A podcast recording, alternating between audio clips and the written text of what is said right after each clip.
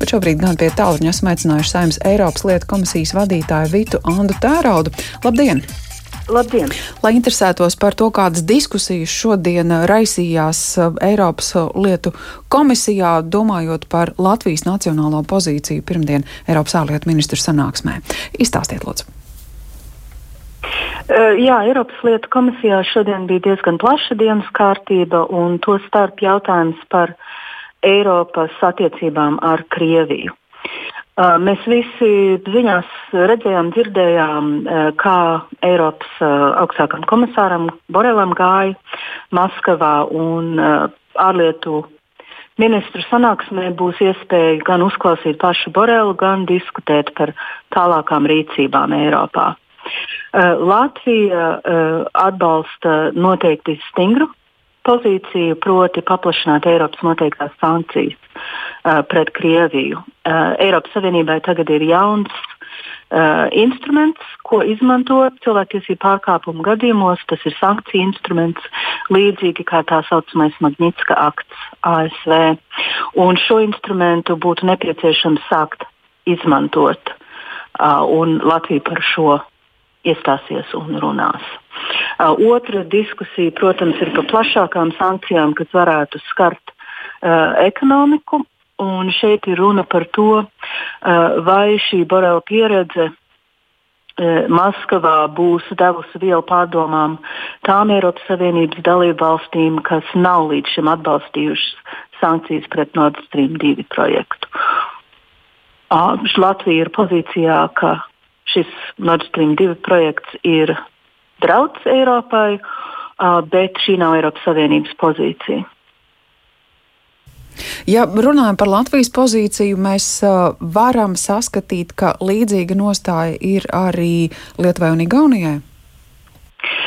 Uh, jā, uh, Eiropas Savienības uh, valstis, kas ir geogrāfiski vairāk uz austrumiem, ir arī valstis, kurām ir uh, diezgan stingra pozīcija.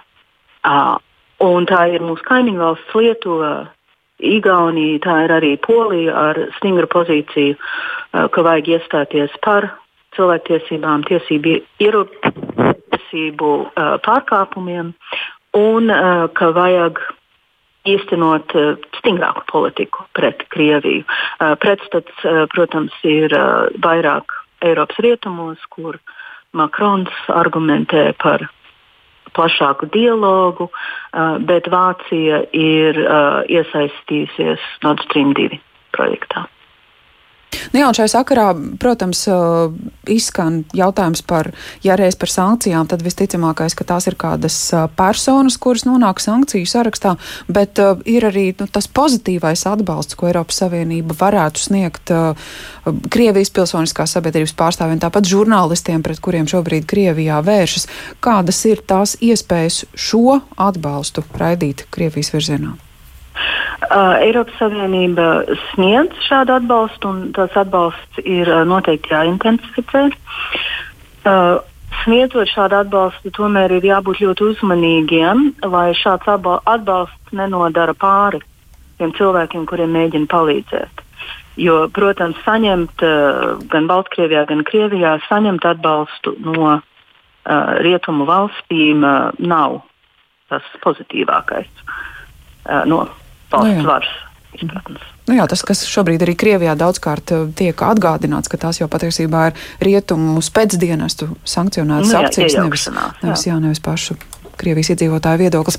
Paldies par šo diskusijas atspoguļojumu Vitai Andai Tēraudai, Saimnes Eiropas lietu komisijas vadītāja bija pie mūsu tālruņa.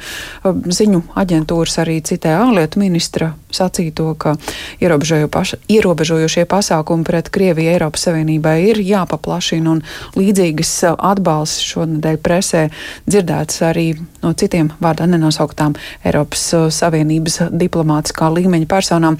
Austrum Eiropas politikas pētījuma centra pētnieku Mārcis Balods Lodi arī esam aicinājuši šai sakrā uz sarunu. Labdien! Labdien! Tikko jau izskanēja, nu, šķiet, nesekmīgā Borelija vizīte Maskavā pēc tā, kas tur iepriekš tika pieredzēts. Kā jums šķiet, vai Eiropai vispār šobrīd ir vērts pūlēties, vai Eiropai vēl ir iespēja saņemties un demonstrēt savu attieksmi nostāju pret Krieviju? Um, es domāju, ka katru reizi, kad, kad, izskan, uh, kad Eiropas Savienībā izskan diskusijas par sankcijām, um, tur vienmēr klāt parādās arī tāds uh, bieži vien nelūgtais viesis, jeb uh, Krievijas interešu lobbyis. Uh, tas bieži var, tas var izpausties dažādās formās, gan politiskie, gan ekonomiskie sakari. Arī mm, informatīvā telpa, taču tā kopējais motīvs ir nodrošināt apstākļus, lai valsts būtu uh, samierinieciskāks un pielaidīgāks pret, uh, attiecībā pret Krieviju. Bet uh, šobrīd uh, es teiktu, ka iespējas panākt politisku vienprātību, panākt jaunu sankciju piemērošanu, vismaz politiskā līmenī, jau, jau ir krietni ticamāk. Es domāju, šeit lielā mērā tieši katalizators ir bijusi nesenā Borela nu, teiksim, nesekmīgā vai neveiksmīgā vizīte. Pēc kuras m, savā ziņā pat tās samiernieciskākās valstis ir spiestas atzīt, ka Eiropas Savienībai ir uh, jāparāda mugurkauls, Eiropas Savienībai ir jādemonstrē savu morālā stāju un, uh, un turēšanās pie, pie principiem.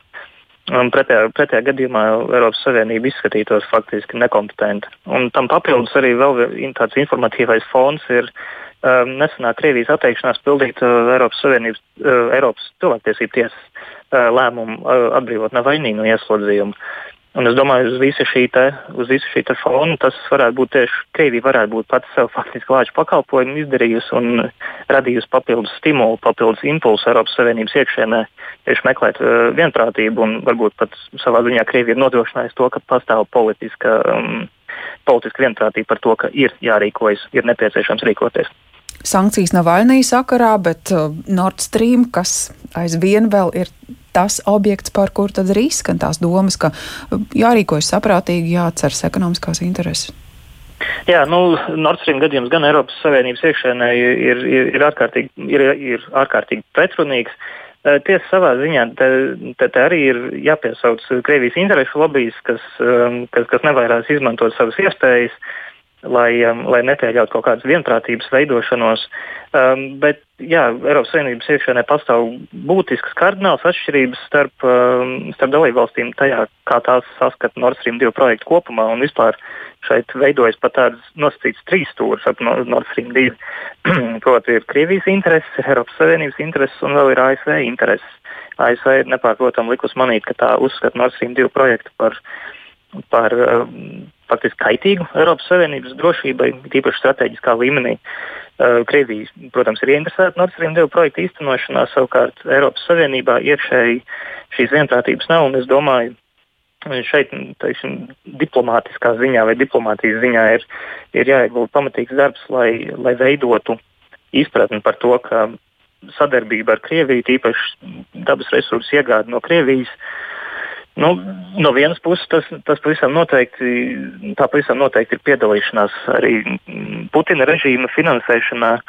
Taču šajā plašākā kontekstā šeit pastāv arī klāt Krievijas ietekmes efekts uh, un Krievijas centieni nepieļaut, jau saknē nepieļaut, ka Eiropas Savienība iekšēji spētu panākt kaut, kaut, kaut, kaut kādu vienprātību šajā mm. jautājumā. Jā. Paldies par šo komentāru Austrumēropas politikas pētījuma centra pētniekam Mārcim Balodim pēcpusdienas programmā.